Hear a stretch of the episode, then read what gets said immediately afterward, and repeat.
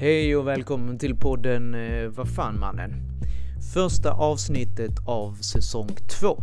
It's been a long time coming. Det har tagit tid att eh, påbörja inspelningen av säsong 2. Pandemin har varit lite i vägen. Men äntligen så rullar vi. Och det här avsnittet har jag valt att träffa Shahab. Han är förbundsordförande för organisationen MÄN, en organisation jag länge har varit engagerad i, både som eh, privatperson och eh, medlem, aktivist och numera även har jag uppdrag för organisationen där jag arbetar med utbildning i våldsprevention. Men det är inte det jag och Shahab valde att prata om. Första gången jag såg honom var det via sociala medier och det fanns någonting i honom som tilltalade mig. Såklart invandrarbakgrunden. Han var pappa precis som jag. Och att det fanns någonting som var gata i honom. Någonting som sättet att prata, sättet att klä sig. Någonting jag kände igen. Jag var tvungen att få reda på mer. Jag fick chansen att träffa honom och frågade, vill du vara med på den och prata? och han undrade vad ämnet handlade om. Och jag sa, jag vill ju prata om det här med rasism, maskulinitet och jämställdhet. Hur är det att vara en rasifierad man i jämställdhetsarbetet och vad är dina erfarenheter av rasism i Sverige? Ska vi titta på Sverige från vårt perspektiv som invandrade män? Han lutade sig tillbaka, skrattade och sa, jag har väldigt radikala åsikter om detta. Då var det givet att vi var tvungna att ha det här samtalet. Hoppas att eh, ni gillar samtalet och att den väcker tankar, funderingar och även känslor som ni kan ta vidare i samtal med de som ni har omkring. Det här är Vad fan mannen med Shahab.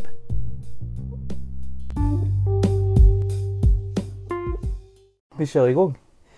Eh, efter en hel dags utbildning, fredag eftermiddag, så sitter jag här med Shahab Alkoholfritt sitter vi också. Alko just det, viktigt att säga. Vi har glas men det är alkoholfritt. det är bara vatten i dem.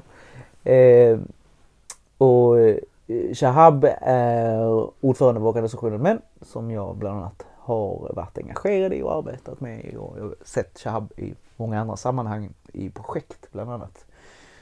Och sen fick jag tag i ditt nummer och sen har jag börjat smsa dig. och så sitter vi här idag och spelar in första avsnittet av säsong två av den här podden. Men en fråga nu Chab, identifierar du dig som man? Ja, det gör jag nog. Mm. Eh, gud. Men det, det, den där är så spännande för att det är också så här det är nästan så smart, roligare att fråga så här, när kom du på att du var man? ja, ja, ja, men om, om, du får svara på den frågan. Minns du när du kom på att du var man? Um, jo, men det gör jag. Jag minns exakt det där tillfället och jag, jag tror att jag var sju bast. Och, alltså jag var ny i Sverige. Och sen så typ, men jag var ute på gården och lekte. Man lekte med ungarna ute på gården. Så lekte jag med en tjej, typ så som man leker när man är sju. Det är bara, bara hänger och så här. Mm. Eh, och de andra killarna i liksom eh, på gården, de sprang liksom så runt och gjorde ljud och bara så här, och det var någon, jag bara, men de leker något annat nu som jag inte har lekt. Jag fattade inte.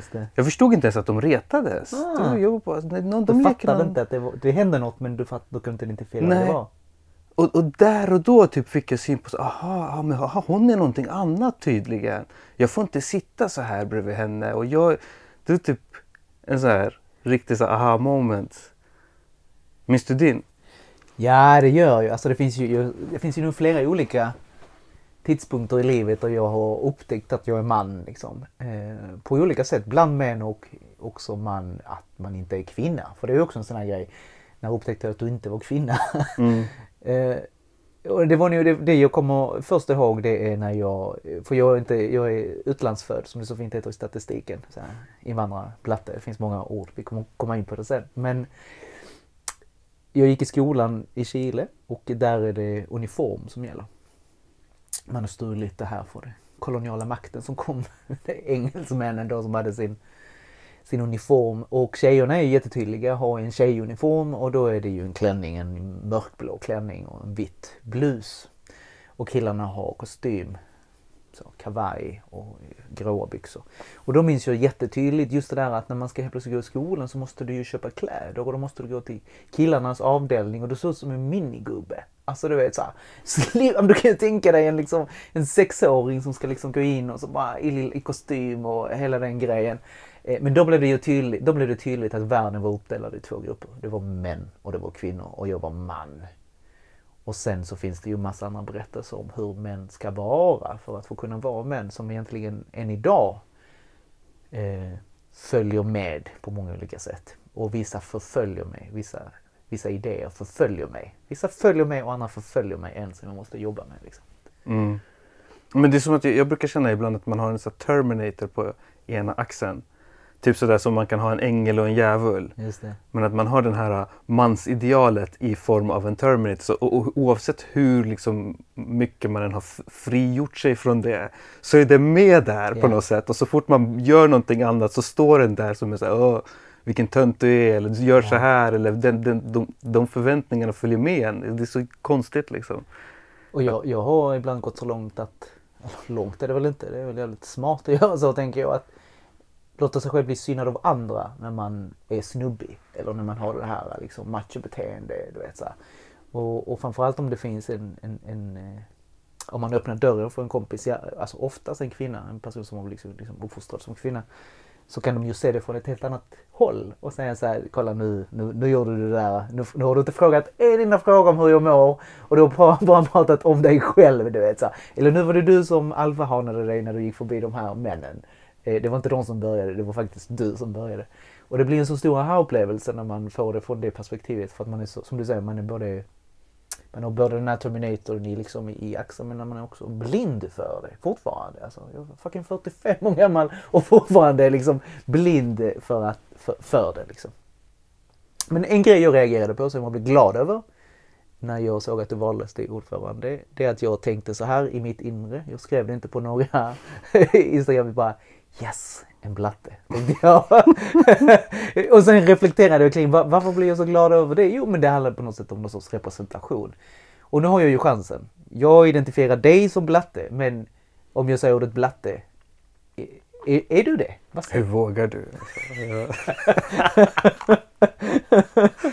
Nej men hundra att jag är. Men det, är, det där är så olika. Ja. Alltså, eh, jag kommer ihåg de typ för ett tag sedan när man var på Almedalen och vi som var liksom icke-vita på Almedalen var ju verkligen så här, men vi var liksom alibit på alla de här stora organisationerna. Och när vi såg varandra, även om vi inte visste vem den andra var, så fanns det en liten nick att så, ah, tja, där är du, jag ser dig, du vet.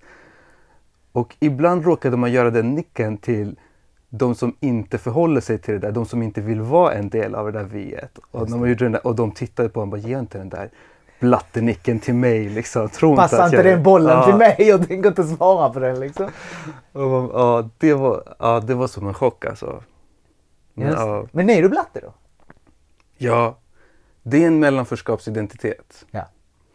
Alltså, och, och, att hålla på så här, men det betyder kackerlacka i grunden och sådär. Ja men det kanske det gör, men vi, vi äger ordet. Du. Mm. Ja. alltså på samma sätt som alltså, gayrörelsen har anammat bögordet. Just det, liksom. att de liksom tog bort det från eh, det här hat och så kallar de sig själva och så förlorade sin, ja. sin negativa liksom, värde på något sätt. Det finns en makt i det på ett sätt. Mm.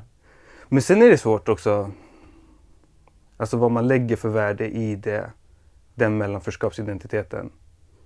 Jag tänker så här, vi är uppväxta med att vara den andra, alltså det Sverige som jag kom till 89, 90. Det var det Sverige som man assimilerades till. Mm. Det var ju liksom Invandrarverket, ja. inte Migrationsverket. Vi hade ett eget verk, Invandrarverket. ja.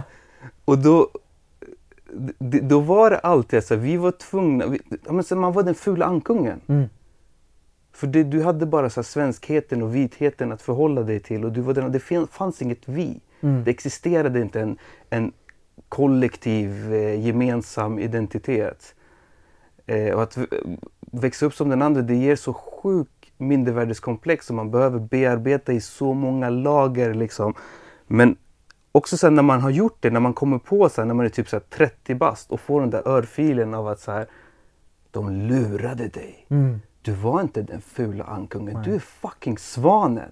Och de var avundsjuka. De, allt det där som du har är de avundsjuka på. Ja. De saknar det för att deras liv saknar innehåll på det sättet. Alltså, så, det är inte att så jag säger att det, det, saknar, det har mindre värde men, men de har inte samma historier som vi. De har inte samma upplevelser som vi. Att här, man vill ha det men man vill inte eh, liksom, eller man vill äga det men man vill inte liksom eh, kännas vid det liksom på ett sätt.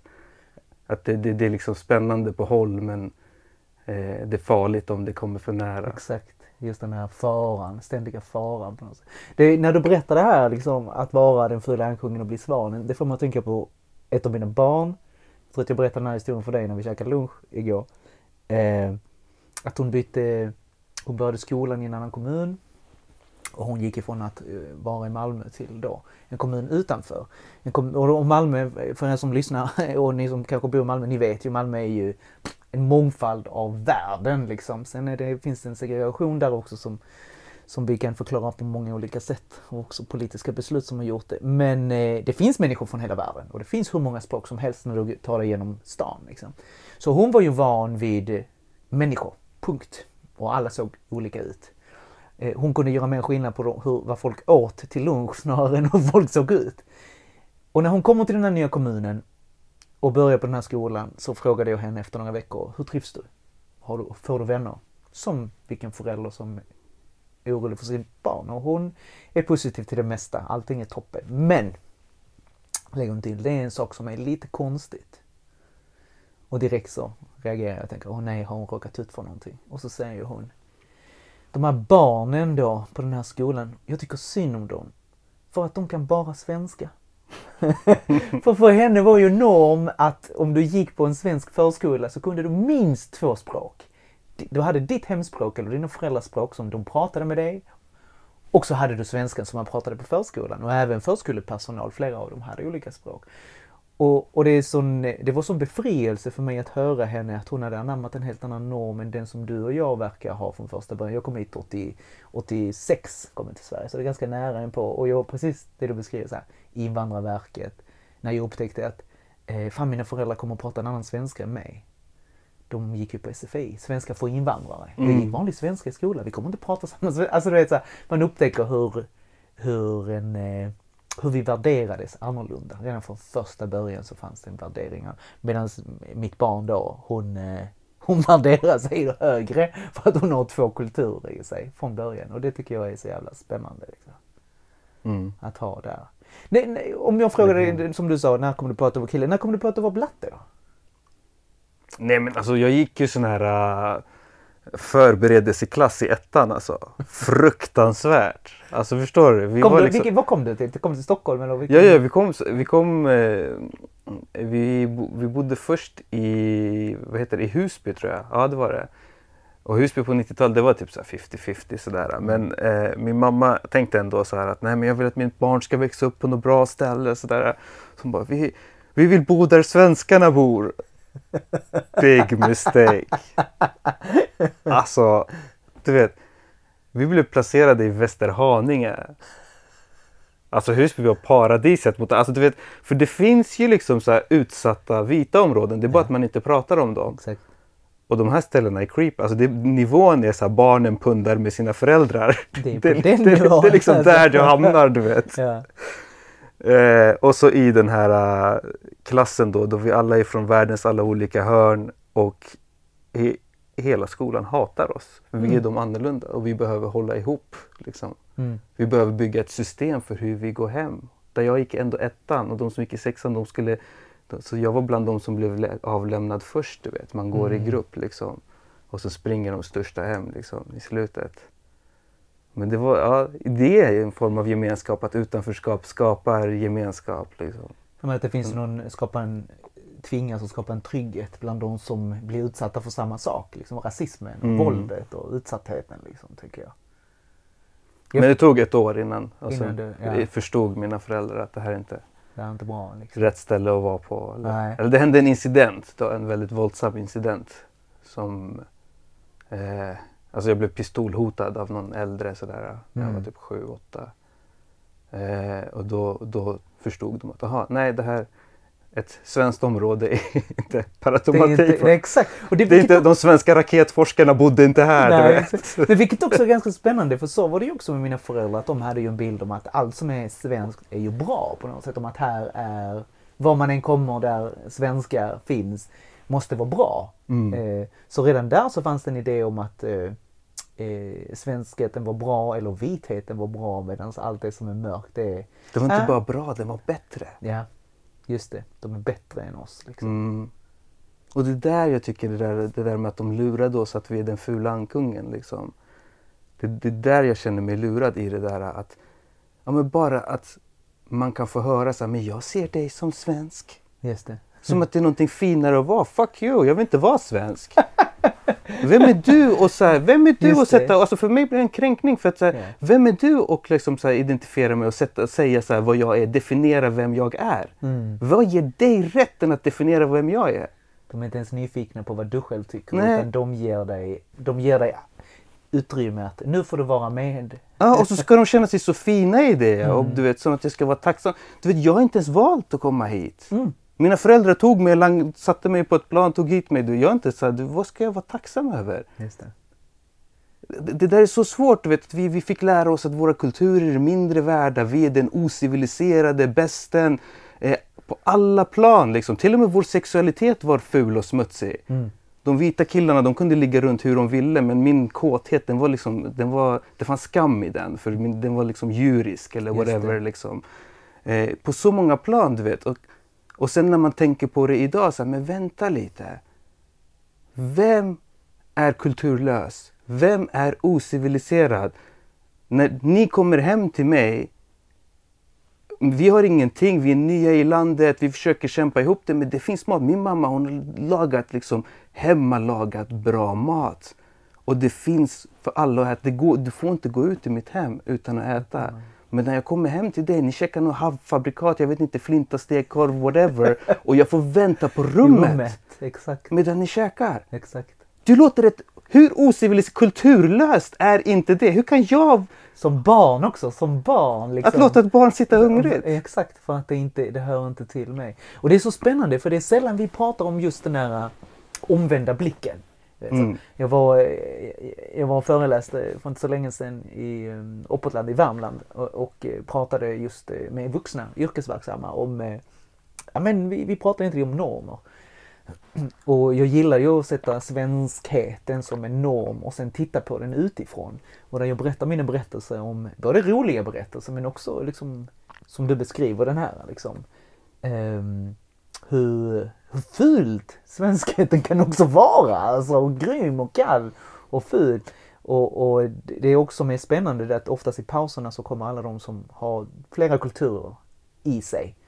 Eh, de kommer fram och säger Åh, tack för att du säger det. För att det är, vi är så tysta om det. Det är precis som att svenskheten och vitheten är ju det ultimata, det är utgångspunkten, det är det alla vill ha. Och att man inte ser att det finns både positiva och negativa grejer men att man också svartmålar det andra. Mm. Jag har också varit i de situationerna. Ja. De bara langar de här grejerna och man ser i någons ansikte att den har fått liksom en sån mental örfil. Att den har så här, man ser i, du vet, i blicken, någonting händer här liksom. Att den bara såhär, oh shit, just det, jag har blivit lurad. Alltså Just man får det. vara med i just I det momentet processen, ja. liksom. Men du, och jag idag är ju privi- privilegierade individer. Mm. Vi båda, jag identifierar mig också som blatte liksom. Och jag brukar leka lite med det ibland. Jag vill också ändra på och säga så här, jag identifierar mig inte längre som blatte. Men ja, vi, fortsätter. vi kommer dit sen. Ja. Ja. Och, och ibland så skojar jag med, med kids eh, och eh, frågar dem, vi, är, det någon som, är det någon som blatte här inne? Framförallt i Malmö då. Och då är det jättemånga som superstolt räcker upp handen. Och så frågar jag, är ni födda här? Och de bara, ja. Ja men då är du inte blatte. Och så får starta en diskussion kring identitet. Och då säger jag, men jag är en riktig invandrare. Jag har faktiskt vandrat, ofrivilligt vandrat in, eller flugit, vi vandrade inte in, vi flög in i, i landet. Eh, så jag, vill ni, vill ni röra? Vill ni röra vid en riktig invandrare? liksom lite på skoj sådär. Och de skrattar. Och samtidigt så säger jag till dem, hade inte jag berättat min berättelse, hade ni bara hört mig på telefon och inte ens vetat mitt namn så hade ni inte sett ansiktet ni har framför er nu. Jag bara, nej, du hade sett ut som han och så pekade de på Johan som är blond och blåögd. Eller så identifierar de som skåning, men absolut inte att jag skulle vara född någon annanstans. Eh, och det tycker jag är ganska spännande, den här assimileringen, att det är andra som lägger saker på mig och då, då måste du vara svensk nu liksom. Eller vänner som har reagerat när jag bara, nej det här året tänker jag, jag pallar inte med midsommar. Mm. Kan du välja bort det? Jag bara, ja, ja men det är ju inte min, det är inte min högtid. Jag har bara hängt på er liksom. Att hänga lite. Det är liksom, det är som en fredagkväll för mig. Är jag sugen på att gå dit eller inte? Nej, inte idag. Och folk kan ju reagera starkt. Att det är liksom bara, när de inser att du är fan inte svensk. De blir nästan som att de blir, um, jag avslöjar en hemlighet för dem. Mm. Som inte blir positivt. Det är inte så bara, åh fan vad härligt, vad härligt du har. Utan, va? Firar du inte midsommar? har du varit med om svenska rum där de upptäcker att fan du är blatte, du är gata, du är, du, du är fan... Eh. Ja men jag tycker det händer hela tiden. Mm.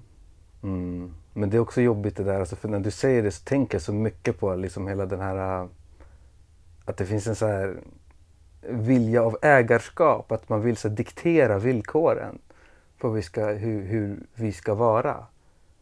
Eh, och jag tycker ändå jag, alltså, så här, jag, sättet jag klär mig, sättet du vet jag kan sitta med keps, jag kan, alltså, man ser ändå på mig att jag inte, ja, på min stil också, på mitt sätt att prata. Att, så här, men, och, för det finns ju olika kategorier av liksom, så här, blattighet också. Att, mm. så, jag tror att man till och med ser direkt, att han är inte den där assimilerade, tacksamma sorten. Han är... han är den arga blatten liksom. jag är inte så arg sådär heller liksom. Men, men jag, jag vill ändå diktera mina egna villkor.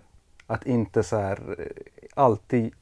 För, för problemet är att vi måste alltid vara till lags för att mm. göra dem bekväma. Och när jag upptäckte det, då, då slutade jag med det. Ah. Och det, var, det är typ det skönaste jag någonsin har gjort. Att jag bryr mig inte längre om du är bekväm eller inte. På vilket jävla sätt är det mitt ansvar, om vi är i ett rum, det sitter så här 15 svenskar där, att jag ska göra er bekväma för att mitt naturliga sätt att vara gör er obekväma. Man, om mitt naturliga sätt gör dig obekväm, gå till psykolog. Jag tänker inte ta ansvar för det. Du sa ju en sån härlig grej också, eh, som sen lyftes i den här utbildningen också. Du sa jag är inte antirasist. Kommer du ihåg? Nej, jag är inte. Nej, och jag älskar det för det är ju exakt det du, du ber inte om ursäkt. Och det är liksom... Och jag inser, medan vi pratar nu så inser jag hur mycket ursäktande det finns i att få bara få finnas och inte se ut som normen. Att inte mm. vit, att inte vara född här, att inte kunna alla Astrid Lindgren-sånger och att inte... Du vet att det är sånt som man har lärt sig efterhand men som man inte heller värderar så jävla högt för att det inte är mitt. Utan mm. det är någon annans. Men har du gjort så? Har du, har du liksom gjort det? Känner du igen dig i att ha gjort våld på dig själv? Att du går utanför den du är och det, du, det sättet du är bekväm att vara för att göra andra bekväma? Herregud, ja. Fan alltså det händer, det, alltså det händer inte lika ofta. Det händer fortfarande. Eh, men när jag var yngre så ville jag ju inte sticka ut jag vill inte vara den fula, för man sticker inte ut på ett positivt sätt. Utan det sticker ut som att då kan vi hacka på det. Eh, uttal, jag menar att, jag, att min svenska låter som den gör är ju för att jag kämpade hårt som fan på att låta som de gjorde. Mm. ja, eh, det var så viktigt och jag fattade ganska tidigt att om jag låter som de gör så kan de inte reta mig kring att jag låter annorlunda åtminstone. De kan reta mig hur jag ser ut men det andra kan de inte. Så jag liksom exkluderade saker från att bli retad. Mm. Men ja, och, och än idag kan jag ibland anpassa mig. Till exempel när jag är med mitt barn. Vi pratar ju spanska. Jag pratar spanska med, med min yngsta. Även om hon många gånger pratar, pratar svenska tillbaka så fattar hon ju allt.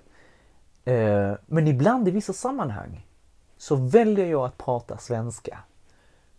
Och det är en, en total anpassning för att slippa den jävla blicken jag får in i affären av att det inte bara att jag pratar ett annat språk som de inte förstår, utan det här är ett barn med en vuxen man som är tatuerad, som är mörk.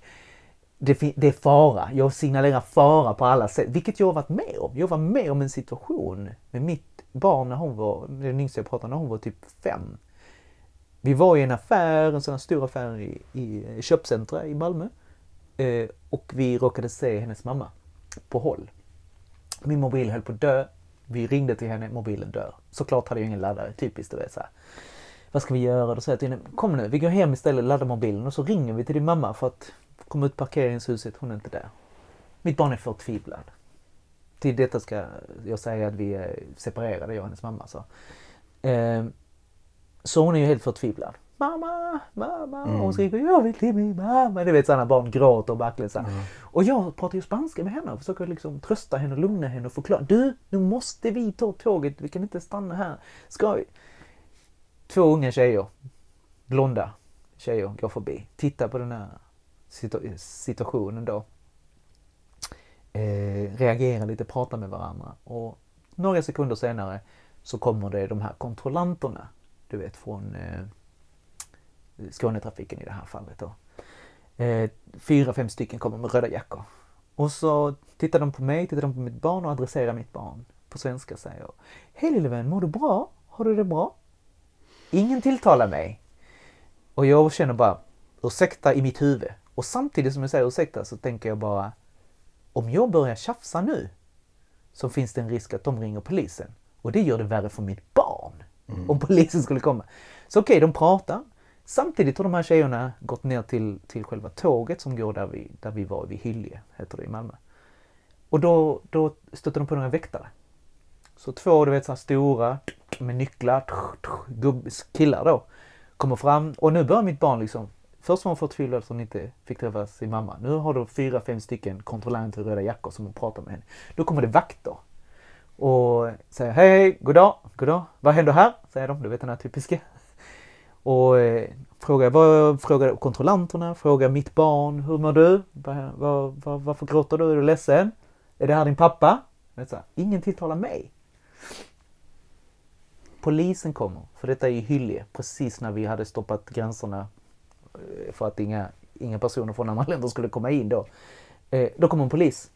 Utan att titta på mig eller mitt barn säger jag har hört att vi kanske ska behöva göra en personkontroll, säger polisen till väktaren. Väktaren svarar, jag vet inte, det där är ditt jobb, jag vet inte om vi ska göra en personkontroll. Och så en av väktarna inser att jag är en människa och säger till polisen, kom vi gå och prata om det här lite vid sidan av. Den här väktaren kommer tillbaka och det här är första gången någon tilltalar mig. Vad, vad är det som händer? Är det ditt barn? Det är första gången. Det gick två tjejer, det gick fyra kontrollanter, det kom två väktare, det kom en polis. Och efter allt det där så säger då en väktare, är det här ditt barn? Jag bara, ja, tack för att du frågar. Det här är mitt barn. Så jag förklarar situationen. Han frågar henne, ska du hem med pappa nu så att du kan ringa mamma? Ja, för att jag saknar min mamma. Och hon höll ju nu om mig för att hon var ju rädd över alla de här mm. människorna. Eh, och det, det här det blir svårt för mig liksom. För att jag måste bara svälja det här. Och ibland när jag berättar den här berättelsen på föreläsningen så blir folk förbannade, vissa börjar gråta. Ja, jag känner det i kroppen bara, ja. direkt så här, ja. pulsen kommer upp. Det, ja. det där, för det där är våld alltså. Ja, det där blir utsatt för det våld. Ju. Det är det ju. Att, att, att ta bort mig rätten att få vara den omvårdande föräldern jag faktiskt vill vara och mm. faktiskt mm. anser mig att jag är. Men bara på grund av min hudfärg och av erfarenheterna som finns i samhället. För att det är män som då ger sig på barn som i sin tur då om man har en utländsk man som då oftast använder våld. Ja men då blir det, alltså du vet all, alla negativa signaler ja. slår i taket. Och på det så här, jag vill inte att mitt barn ser sin pappa bli misshandlad. Liksom. Nej, eller bli tagen av polisen. Jag menar, ja. tänk om de hade, för om polisen hade dragit igång det hela så hade jag fått sitta i bilen så hade någon tagit, socialtjänsten hade blivit kontaktad, vi måste dubbelkolla ditt fram med ID-kortet. Alltså, det är trauma. förnedrande är, inte det? Barnet. Hur förne... Och sen ska jag berätta för mitt barn om rasism. Mm. alltså, och att hon kommer att bli rasifierad. Med all sannolikhet, både på grund av sitt namn och delar av sitt, sitt utseende. Vilket hon är ganska medveten om. Eh, och sorgligt nu när man är nio år gammal och är medveten om vem som kommer att bli utsatt för rasism och vem som inte vem som kommer komma undan. Men du ställer frågan, anpassar du dig? Ibland tvingas jag. Som i det här fallet. Ibland tvingas jag bara svälja och inte be dem dra åt fucking helvete. Mm. Så mycket skatt jag betalar i det här jävla landet, så mycket jag engagerar mig i det här. Och är, det, är det här tacken ni ger mig för det jag har gjort på grund av mitt utseende som jag inte är så fucking valt? Mm. Är det där? Så kan jag ju känna i stunden, men jag känner ingenting på att ta fighten där. Och det är ju historier som jag sällan hör. Jag kan sakna de här historierna för jag vet att alla har dem. Mm. Alla har dem. Och när de väl kommer upp som under Black Lives Matter, du vet så här, kvinnan som är gravid och blir så här utsläpad av eh, väktare. Jag tänker bara, det är väl inget konstigt, det där har väl hänt oss alltid. Vad snackar ni om liksom? Är det, är det nytt för er? Just det, det är nytt för er liksom. Mm. Just det. Och det är det som är också så här, klassresan och status och bra jobb och utbildning. All, alla de där grejerna är ju liksom så här, också så olika skyddsfaktorer för oss. Att skydda oss från att så bli utsatta för det där igen. Att, så här, ja, Och jag, jag älskar att vara blatten i rummet idag. mm, Just för att göra folk obekväma och påminna dem om att om du är vit så är du fucking privilegierad. mm, Inte för att du har valt utan för att du föddes sån, men du har ett fucking ansvar. Liksom. Precis som vi som män är, är, är, har också, är privilegierade på vissa plan och har ett, ett ansvar när det kommer till liksom mäns våld och, och mäns beteende gentemot kvinnor och barn. Så tänker jag samma sak, att vita eh, svenskar framför allt, de har ett ansvar för Mm. att rasismen ska få ett slut. Alltså, det, li- det ligger ju inte på mig att jag ska berätta för dem att eh, nu är jag inte drabbad längre, nu, utan check yourself liksom. Mm. And check your mates liksom. verkligen, hundra. Men du sa innan, jag- du sa någonting om att du identifierar inte som blatte. Alltså vad, jag, är, ja, men jag, jag vill fastna, jag vill begreppet blatte liksom, för den, den har många bottnar. Jag, jag, jag, jag tror att, alltså just det där, jag, jag, vi fick ju något så postkolonialt uppvaknande i Sverige någon gång, jag vet inte när det var, 2012, 13 Det kan ha varit lite olika för olika, alltså så- det, var- det var som om så här, det var under en period av två, tre år då liksom vi Eh, ja men då, då flera fick den där, jag är inte den fula ankungen, jag blivit lurad. Du vet, det var Ja. många som fick den så här, e- efter varandra. Eh, och, och- och det är någonstans också i samband med att vi fick ett kollektiv. Att så här, men runt, kanske runt 2008 där någonstans, då började det ändå så här. Men det skedde mest i förorterna för att där fanns det ändå liksom en, en där fanns det ändå ett kollektiv, där fanns det mycket människor som hade den bakgrunden liksom Mm. gemensamt. Och kanske med så här, hiphopen och allt det där ändå så började bilda så här. Vi, alla, alla blattar känner sig inte hemma i det, det måste vi säga. Ja.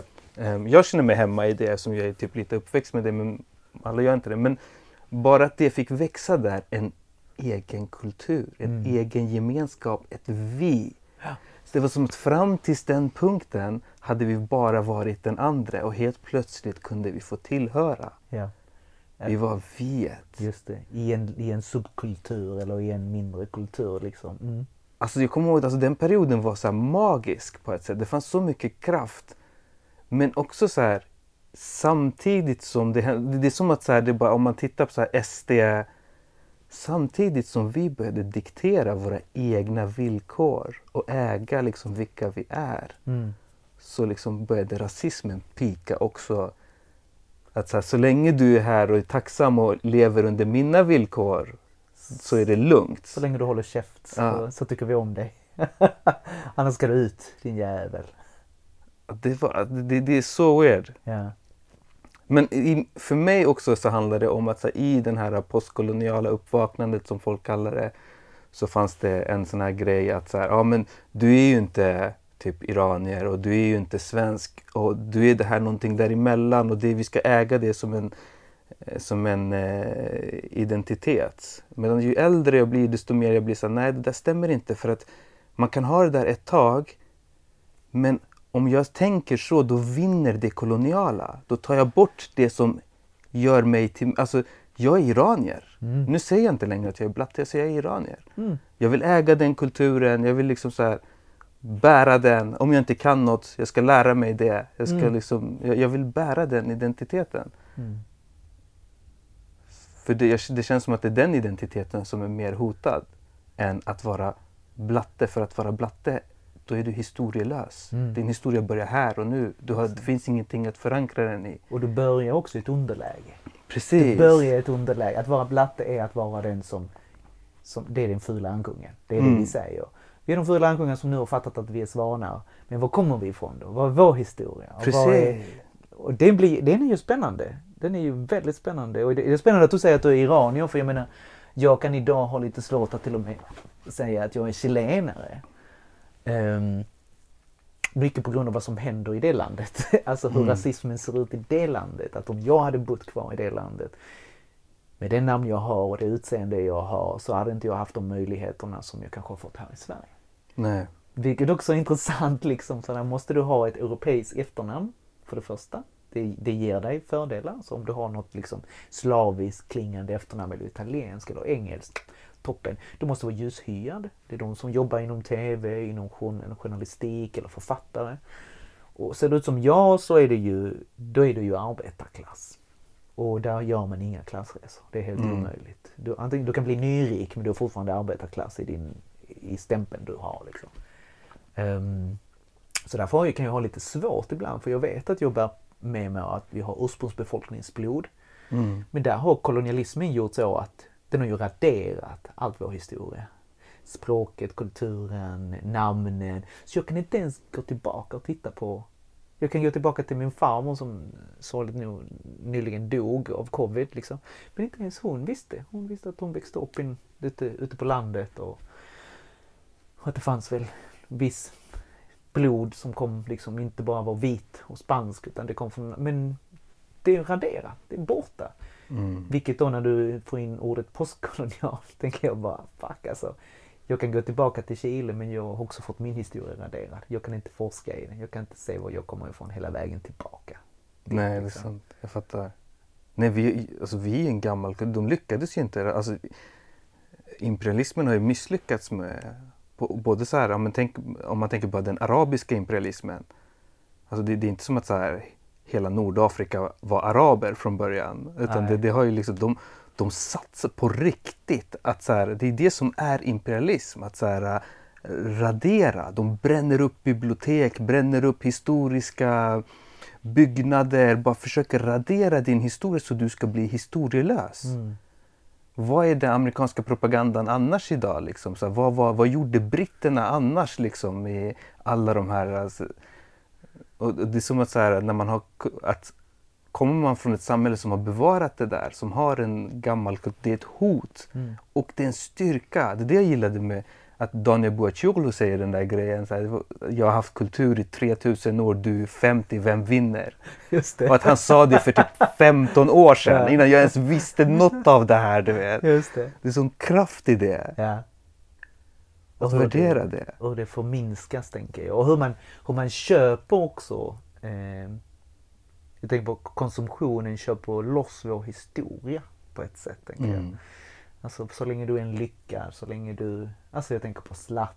Alltså du vet såhär, blatten som lyckas enligt de vita villkoren. Och han lyckades för att han var i Europa liksom. Ja, ja, ja, ja. Han var där och Ja. var tacksam liksom. Ja, ja, ja. Och en viss blattenskap får vi släppa igenom bland Zlatan. Liksom. Mm. Och Det är oftast negativa grejer som vi andra inte skulle kräva av Anders Svensson. Är du med? Ja, det där. Så, ja, men det är klart han kan skicka en sax i väggen eh, nästan så att, eh, eller hans kompis skickar en sax och fastnar i väggen nästan i huvudet på Zlatan. Det är okej. Det, är, det är okej, för det är ändå Zlatan och Zlatan Mm. kan uttrycka sig. Men Anders Svensson, nej, nej, där går fan gränsen. Va? Det är också spännande att det är olika villkor för eh, vilket också är så jävla bisarrt liksom. Å ena hållet så villkoras vi och ett håll och sen å andra sidan så förklaras våra snedsteg som att ja, ja, men de är ju lite, lite så. Verkligen. Tänk att jag, jag fick ADHD som vuxen. Att man pratar också om det ofta så här. Äh, att ah, men tjejers ADHD upptäcks inte för att det är killarna som syns och sådär. Äh. jag tänker så här, nej men blattars upptäcks inte heller för ni tänker att det här är vårt naturliga sätt att vara. Det är lite mer apa i mig så därför är jag lite... Ja, exakt. Exakt. Ja, men det var exakt så, så de sa. Jag menar det här, det du säger nu, det sa ju en polis när den körde i Rosengård. Det blev ju stora rabalder. Jag vet att Jason Timbuktu han har skrivit en text om detta. En sån låt. Polisen sa apajävel, alltså för att han såg några unga killar liksom springa runt och kasta sten mot dem. Mm. Ja. Och det är ju... Ibland kan jag ge apan med flit bara för, Ja. att, bara för att bli fri. Mm. När man bara... Ah shit, jag orkar, jag orkar inte bevisa någonting här. Mm. Låt mig bara, för de här människorna är helt oviktiga för mig. Låt mig bara ge dem apan. Så är de nöjda. Så, så är de nöjda Ja. och sen så är jag fri och kan göra vad fan jag Så vill. låter de mig vara i fred. För det jag tänker mycket på att bara att du och jag sitter här och pratar om det här och sätter ord på det och berättar om vår egen liksom, process och erfarenheter av, av rasism också att vara en, en, en, en icke-vit person i en vit värld. det här fanns ju för fan inte när jag växte upp. Jag eh, mejlades lite med Alexandra Pascalido, då har jag träffat Mm. henne. Eh, Och det var ju i, samman, i ett samband om att de sökte någonting och jag kunde kanske hjälpa henne. Men jag var tvungen att skriva i svaret på det här mejlet. Du, jag måste bara säga en sak. Du är anledningen till att jag på något sätt kunde vara stolt över att ha en annan kultur än den svenska. Du var den första som hade mosaik. Du var hoppet. Du var fucking hoppet. Mm. Jag kunde sitta varje kväll, även om jag inte ens fattade vad mosaik alltid handlade om. Men jag kunde sitta bara för att det var... Hon är ju, hon är ju grek! Alltså fattar du? Hon är ju som min kompis Mm. i, i klassrum. Och hon får plats och hon får äga skitet liksom. Hon säger så jag är från Rinkeby. Ja! Det är så. Ja! Och det är inte bara liksom Dogge från Alby som plötsligt får ta plats. Utan hon, hon är vältalig, hon har gått till universitet. Hon, fucking, hon, hon räknar och hon säger saker på riktigt vet. Hon Mm. maskerar dem inte. Och hon var, hon, var, eh, hon var så glad över att jag skrev det och så tacksam över att jag... Men jag var tvungen. För jag menar jag insåg att hon var min första idol i Sverige som invandrare. Alexandra Pascalidou var den enda jag kunde relatera till. Och jag menar hon är ju ändå europé. Alltså, Mm. alltså så illa var det. Att det fanns ju väldigt, väldigt få människor som jag kunde identifiera mig och säga jag ska också bli som Alexandra, bli journalist eller programledare. Eh, utan att jag kunde greppa tag i en grek från, från, från Rinkeby. Jag liksom är så blatte från Malmö. Det är ju ganska talande tänker jag om det är den Mm. enda. Eh, har du haft några liksom, förebilder när det kommer till den här blatta identiteten eller att vara invandrare eller en icke-vit man i en vit värld? Liksom? Mm, ja men, alltså jag, jag tänker ändå bland de första grejerna ändå som var så här, som en så förebildsgrej var typ att se filmen Jalla Jalla. Alltså jag kommer ihåg vi köpte den på så här kassett. Ja. Alltså på den tiden vi hade inga pengar, man köpte den men det var, den var så viktig så vi köpte på sån här videobandskassett. Vi tittade på den typ med familjen, I don't know, 10-20 för det fanns ingenting annat. Nej. Det fanns ingenting. Det var så här Sunes sommar, du vet, Ja. det fanns ingenting som var så här, det här är vi. Mm. Så, bara liksom den där igenkänningen där, det var så sjukt viktigt. Och sen tror jag att efter det så var det nog Zlatan. Mm. Det var, det var typ Jalla Jalla sen Zlatan. Och För att det känns också som att fram till Zlatan så var alla tvungna att vara assimilerade. Mm. Och vara tacksamma och vara så åh tack för att jag kom hit. Just Men det var någonting med Zlatan att han var, han var så bra på att kicka boll så det spelade, de kunde, vad skulle de säga? Just. Det spelade ingen roll. Och han hade svar på tal. Han Aha. hade alltid svar på tal. Han tog inte skit. Han, inte- alltså han gör det du gör idag. Du ber inte om ursäkt längre. Nej. Och han började göra det redan då. Men på bekostnad av att han var bäst på att spela fotboll. Mm. Eller på bekostnad, tack vare att han var bäst på, på, på att spela fotboll. Och ibland undrar jag vad, vad är det för pris han har betalat Zlatan liksom. För någonting måste ha kostat honom. Ja, jag, jag läste hans bok, jag tyckte den var, den var jobbig liksom, Mm. vissa delar. Vissa delar det där med liksom när vuxna, när typ andra föräldrar i Malmö FF tycker att han inte kan, han måste så här kastas ut ur laget och så här. Och man bara, hur kan Hur kan föräldrar ni så här, vita medelklass vuxna människor ge er på det här barnet liksom? Mm. Jag har frågat dig om du är man, du har sagt ja. Jag har Mm. frågat om du är blatte. Du har sagt ja, men ja, du använder inte det lika mycket, du är iranier idag. Mm. Är du feminist? Ja, Och du säger det med en självklarhet. När upptäckte du att du var feminist? Eh, gud. Jag undrar om det har kommit med hemifrån. Alltså mina föräldrar, de, jag är tillverkad i grillan. så, att, så att man har vuxit upp med mycket så här samtal runt bordet. Men, rättvisesamtal. rättvisa, men jag, jag vet inte om jag fattade. Jag tror att jag landade i saker när jag började typ ja, men när man engagerade sig i frågor som var typ kanske lite så antirasistiskt och så och så började man höra kvinnors berättelser och kunde göra den här kopplingen. Alltså, aha, ja, men de är ju med om samma strukturer. För, för även om jag hade läst, jag hade typ läst genus på universitet innan och visste som jag, jag, jag tycker det här. Men jag tror ändå inte att jag var grundad i det. Jag tror att för att få vara feminist, du måste vara grundad i det i kroppen. Du måste känna det. Yes. Och när jag kunde känna deras berättelser, när jag kunde se så, aha, de här strukturerna, jag kände igen mig i dem. Och, och fick den där förståelsen i kroppen. Då, då, då jag kunde känna att ja, men nu, nu bär jag det här. Mm. Mm. Innan kanske jag var medlöpare som hejade på eller... Men nu kan jag bära det.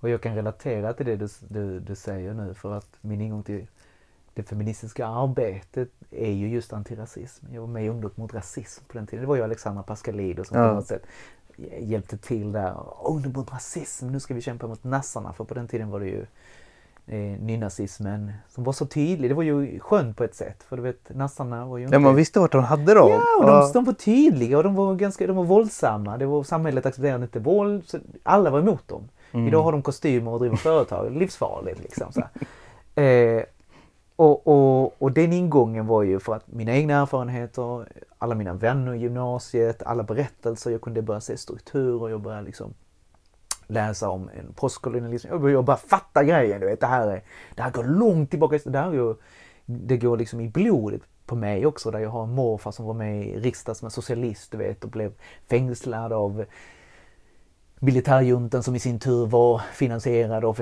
CIA du vet, i USA. Så att det, det här är ju, går långt tillbaka eh, hos mig.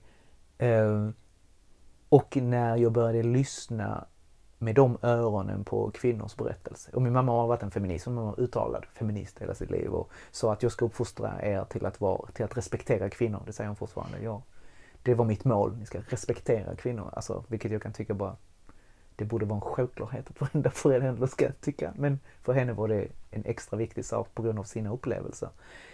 Och när jag, precis, jag gillar att säga när man kan bära det, när det landade i magen på mig att när jag hade kapuschongen när jag skulle hem för att det fanns en, ett, ett skinnhuvud som bodde i porten bredvid.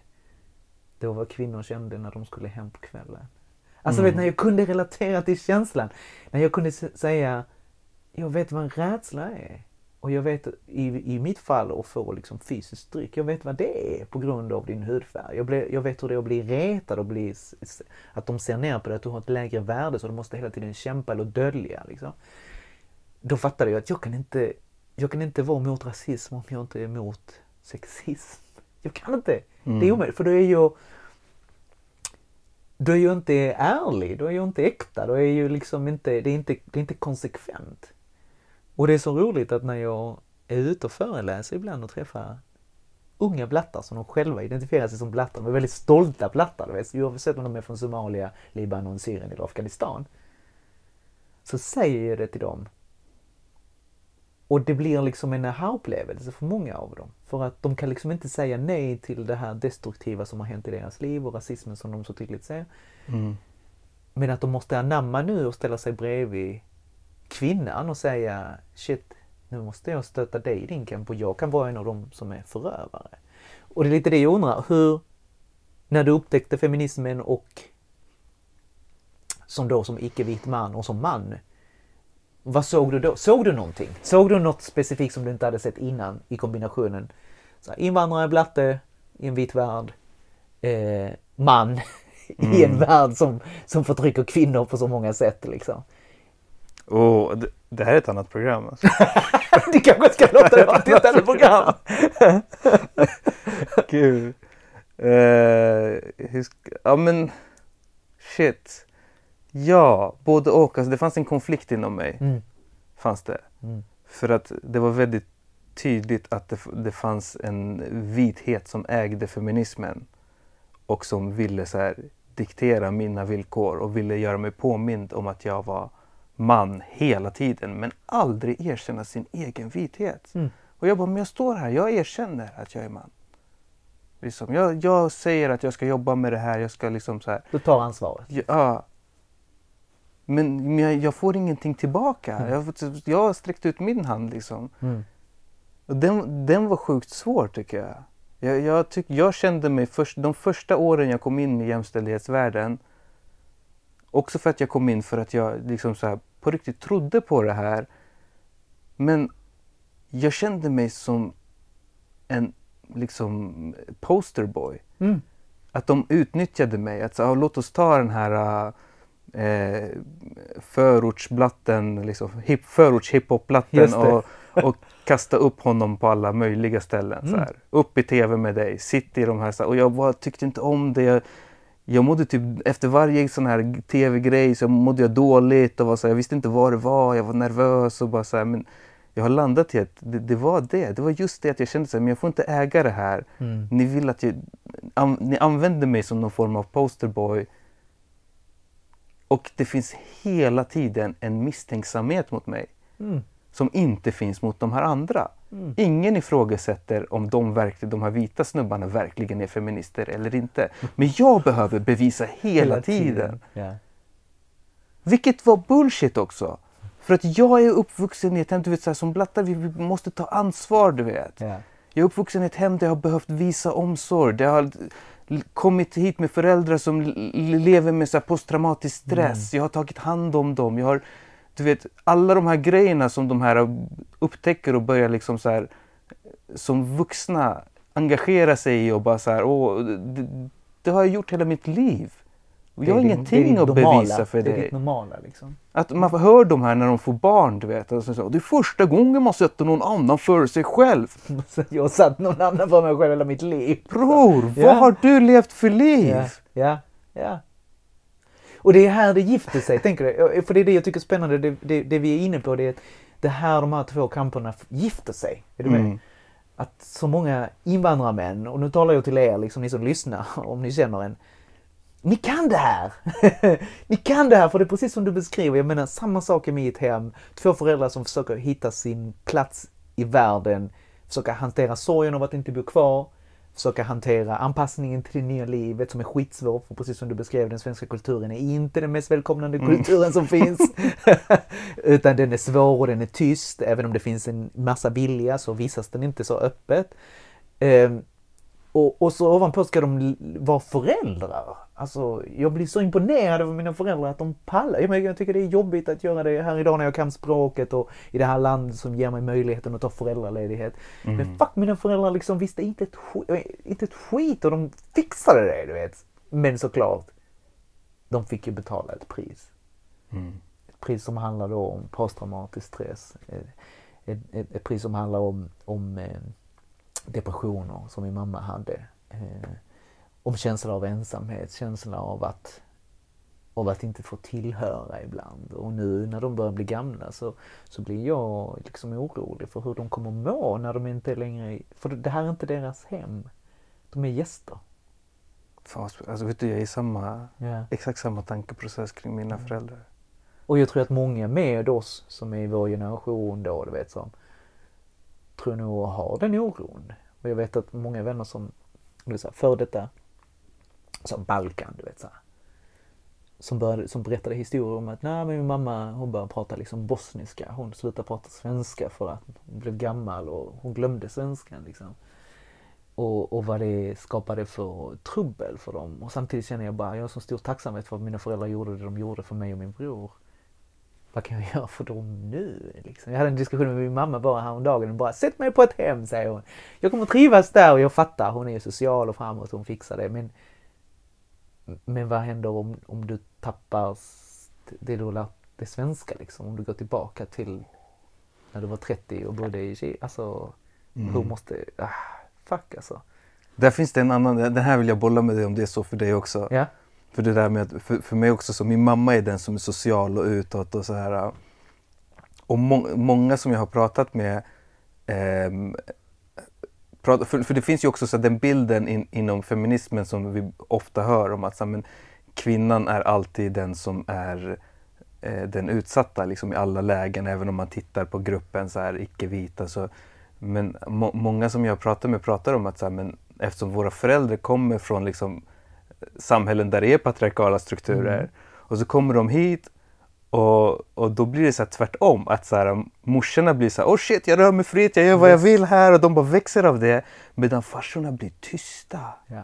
De tappar själv, de sitter hemma, de kollar på TV, de isolerar sig. Ja, Liksom. ja, ja definitivt. Alltså, jag pratade med min mamma om det här om dagen kring min pappa om att eh, att han just saknar det här sociala livet och att vi vad vi önskar honom och så. Att när, framförallt nu när han är pensionerad. Liksom. Mm. Medan om man jämför med henne så har hon ett, hon har ett helt liv. Inte bara liksom att komma till, till Sverige som kvinna att hon har rättigheter Mm. som hon kan nyttja. Utan nu har hon också tid, rättigheter och möjligheter som pensionerad kvinna. Och hon tar dem, jävlar vad hon tar dem. Det är zumba och det är boxning och det är promenader. Du vet. Men, men att det hänger så samman med, med, med deras uppväxt i ett patriarkalt samhälle. Alltså Mm. att min farsa då ska fixa och att han inte längre kan fixa för han är gammal. Mm. och vad gör det med vad, vad, vad, vad är han då? Vem är han? Och han går ju tillbaka till det enda han kan och det är ju liksom familjen. Och när familjen är då uppfostrad och fostrad i en svensk kontext där alla är självständiga så Mm. blir han ju ensam. Han blir ju Det ganska det. ensam. Och, ehm, och det är sorgligt. Det är jävligt sorgligt att, eh, att se. För han är ju Mm. inte bara ensam som individ, han är ju ensam i någon sorts grupp. Jag menar den chilenska communityn är ju inte den starkaste längre. Mm. Den har ju liksom, ju fler generationer som kommer desto mer liksom tvättas den här gemenskapen bort. Och den här ensamheten blir så påtaglig. Eh, Så, så himla påtaglig. Så det hur är det för dig? Känner du igen det? Mm. Men jag tänker mycket på också det, alltså jag är väldigt inne just i tanken också av, jag vill också veta typ så här hur, hur du tänker kring att äga båda de två eh, identiteterna, att vara man och blatte. Mm. Och vad det, vad, vad det betyder. För, för mig blir det, så- alltså det, det är det som är så spännande att snacka så här, intersektionalitet och makt, att det ser olika ut hela Yes. tiden. Vissa sammanhang har man och vissa... Och, och när jag pratar med många vänner så säger de så här, men är det inte så att så här, ändå eh, blatte kvinnor har mycket mer rörelsefrihet i vita rum än vad vi har? Är det inte så att de får jobbet före oss? Är det inte så? Och jag bara så här, shit, det är, så- alltså, och då börjar vi snacka om att så här, just det, för det finns inte i vita sammanhang så finns det, för det här är en del av rasismen. Mm. Det finns en här white savior grej, att låt mig rädda den bruna kvinnan Kvinnan. från den bruna mannen, mannen, liksom, yes. från hans våld och från hans, Yes. så här, hans han, han är vilden, han är bästen liksom. Och den där blicken, jag har haft den med mig så ofta i mitt liv att jag, är så här, jag kan komma in i sammanhang och ha den där mindervärdeskomplexen och se mig själv som den där vilden. Inte längre, idag jag, jag kan äga det till och med och ge dem vilden. Mm. Ja, ja, ja. Jo men såklart att den finns där och att det finns också inte bara en bild hos mig utan andra bär den och andra blattar bär den. Mm. Alltså när jag möter dem så är det ju liksom det första de undrar det är liksom eller det första de antar och tar för givet att jag har liksom en kriminell bakgrund. Och jag har hållit på med skit, jag är ju ganska ärlig med dem, så här är det. Men också förklara det i en kontext. Varför höll jag på med skit? Mm. Vad bygger det på? Jo, det bygger på idén om att jag ska lyckas ekonomiskt och jag kan inte göra det på en vanlig arbetsmarknad. Så jag gör det på en svart marknad. Jag drar hela den historien för dem och är ganska så här, ärlig med vad jag har gjort och inte gjort och vad jag ångrar att jag har gjort. Liksom. Men, men också att det finns ju hela tiden en misstänksamhet mot min upplevelse då, blatten inom jämställdhetsarbetet. Mm. Det finns det. Det finns en liten misstänksamhet. Från båda håll. Ja. Både från vita hållet att Ja. de så här, och, och från, från de egna att de säger, är du en sån där assimilerad? Ja, ja, eller vill du göra karriär? Jag har ju Ja. fått höra det. Vill du göra karriär? Håller du på med hedersfrågor? Ja, ja, ja, ja. Den får jag ju också. Så här, kan du ta det här med hedersfrågor? Eller kan du ta det här med rasism? Och jag tänker, om jag hade varit, om jag hade varit Annika och jag hade varit blond, hade du frågat mig om jag kan ta frågan om rasism? Mm. Vilket då är ganska självklart, du är vit och kan prata om antirasism kan du ju go. Mm. Eh, men ska jag då, ser du mig då som att jag är rätt person ska prata om rasism? Jag menar de här ungarna jag ska prata inför, de, ju, de vet ju vad jag ska berätta för de blir utsatta för samma Mm. skit. Behöver de höra det igen? Behöver de bli traumatiserade igen eller behöver de höra någonting annat? Mm. Så ja, definitivt. Och jag, jag kan ju gilla blatte. Jag menar, jag ser mig mer som en invandrare än en blatte faktiskt. Eh, mer för att det är en handling eh, och för att jag, det är, en, det är ett politiskt begrepp som jag kan gilla att säga. Till exempel, jag reagerade på att vår egen organisation MÄN då säger så. Eh, utlandsfödda pappor, vi har grupper till utlandsfödda pappor. Jag bara, varför inte jag med? Jag är också utlandsfödd. Jag är också pappa. Jag är. Men jag fattar vad man menar. Man menar ju, det finns ju någonting mellan raderna vad man menar med utlandsfödda pappor som inte riktigt fixar den här rollen. Eh, Alltså man skulle kunna göra förklaringen mycket längre. Mm. Men att jag platsar i så många av de eh, olika statistiska kategorier. Du vet såhär, eh, du vet, såhär första generations invandrare. Jag är första generations invandrare! Mm. Jag är född någon annanstans och båda mina föräldrar är födda någon annanstans. Yes! Du vet såhär. Men också, också att eh, min resa, min person, min personlighet eh, jag är inte den som folk förväntar sig att jag ska vara kopplad till de här kategorierna. Om jag skulle säga, så nu kommer det en kille som är då ensamstående pappa, som är då utlandsfödd pappa med, som är första generations invandrare, så är inte den här den första bilden de ser. Och det är inte det de... Och det tänker jag, det, jag gillar Jag gillar att utmana den. Jag gillar att utmana den skitmycket. Så mm. därför använder jag mig av blatte liksom. Eh, väldigt ofta. Eh, men svensk blir jag ju oftast när jag hamnar utomlands. Ja, Då är jag ju svensk och så ibland drar jag. Vet du vad mina, vad mina släktingar kallar mig när jag åker till Iran? Nej. Utlänningen. det är också så jävla intressant. Alltså också så här, Bache Khareji, det betyder typ så här um, utlänningspojken. Typ så, alltså som du vet. Så, du Just vet, det, ännu, ännu mindre liksom. Så här, då är ingenting. Jag var med om en rolig grej. Eh, det var i Sydafrika. Så eh, var, hälsade på vänner och vi var, vi var ett gäng där och alla hade sina svenska pass. Mm. Även jag. Så alla kommer förbi, jag tror att jag är sist. Och då är det ju den som sitter i... en kvinna då som, som sitter där och ska släppa in oss. Titta på passet, titta på mig, titta på passet och så bara You're not Swedish! Säger hon till mig. Och så börjar jag garva och så börjar vi prata liksom. Mm. Och det var så härligt att också, det är lite som det som du började berätta, det här eh, nickandet, vet. Mm. Jag, kom inte här och lura mig. Du är mm. inte en sån som de jag släppte precis förbi. Du är någonting Och det fanns en, en, en fin bekräftelse i det, en positiv bekräftelse av att hon då som svart kvinna i Sydafrika som också upplevt allt det hon har upplevt med apartheid och allt det där kunde ändå säga uh, uh, you know one of them. Alltså hon, mm. det, bara den lilla meningen berättade så mycket för mig om mm. att de mm. visste hur världen ser ut. Ja! Och vad jag liksom går igenom ibland. Liksom. Men det är också så spännande. Alltså, vi skulle åka också så från vår arbetsplats, vi skulle åka till Colombia. Och det finns eh, rätt mycket så här eh, ja, men man behöver ha ett så här, säkerhetssamtal typ om man ska åka till Colombia. Om, så här, men Vilka grejer behöver du tänka på? Vilka, vad har vi för säkerhetsrutiner? Vem ringer vi om något? Du vet massa så här. Speciellt också så här, som civilsamhället i, utomlands är inte som Sverige, så lite gulligt och i beroendeställning till staten utan den är liksom underground-rörelse. Liksom, på ett annat. Eh, men så kommer jag ihåg att jag satt där och så var jag så provocerad. Alltså jag är inte sydamerikan men ändå så vet jag att så här, jag kan röra mig i de här delarna av världen. Utan, jag är trygg. Yeah. Ta mig till de värsta platserna. Jag mm, rör mig utan... Inga problem. Så till slut sa jag det bara. Jag bara, vill ni tänka på min säkerhet? De bara, ja, ja, ja. De tittar på mig så här. Jag bara, Bra, håll 100 meter avstånd från mig. Det var så jävla dålig stämning. Men jag var fullt seriös för jag var bara så här, det här är ert problem. Yeah. Det är inte mitt problem. Jag riskerar inte de här nej, grejerna. Jag vet nej, inte vad ni snackar Jag smälter in här. Ja. Jag är, ja. Ja, vi skulle kunna prata i evighet. Jag tänker att vi kanske kommer tillbaka och gör ett, ett, ett del två av det här och prata vidare. Jag tycker det är spännande också. Och någonting som eh, eh, jag, när jag föreläser, att jag tänker på det här ochet. Liksom, att vi människor är mer än bara en sak. Mm. Du är då iranier och blatte i Sverige och mm. svensk i vissa sammanhang och då feminist och närlig, och, exakt, ja. och förälder och, och, och, att man liksom ibland glömmer bort det där ochet eller det där plusset. Eh, och det var Dina Tomsgard som hade det snacket med mig. Eh, så det, vi kanske får mm. tillfälle för att prata om det igen. Men jag har tre snabba som jag ska börja köra den här. Eh, uh. Ja, tänk inte utan Evil. bara ja, vad som kommer. Liksom. Uh. Det ska jag köra med alla gäster som är med. Okej, okay, så den första. Jag känner mig manlig när jag bygger. Okej. och då tänker du bygga liksom whatever liksom. Nej men jag gillar att hålla på med typ så här. Jag kan typ renovera hemma ja, och jag har byggt en sån här campervan. Eller, ja, det ska vi prata mer om. Ja. en känsla jag skulle vilja umgås mer med är? Att få känna sig omhändertagen. Mm.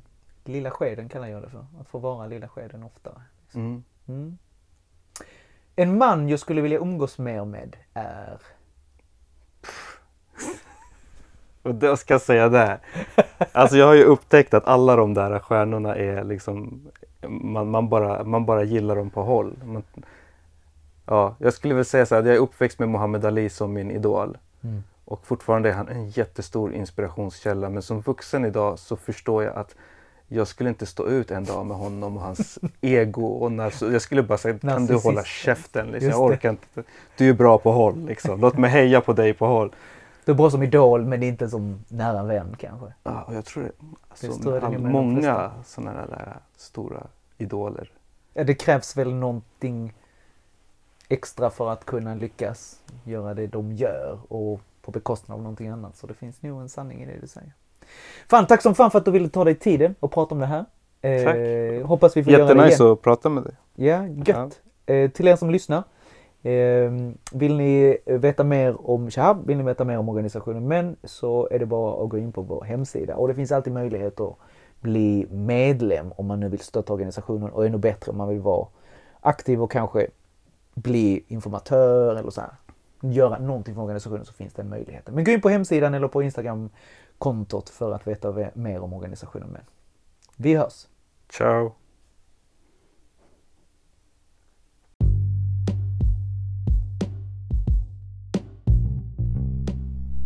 Podden eh, Vad fan mannen produceras av lokalföreningen Män Malmö-Lund. Du kan läsa mer om oss i våra olika sociala medier. Vill du komma i kontakt med oss och eh, med oss i styrelsen så kan du mejla oss på malmo.mfj.se.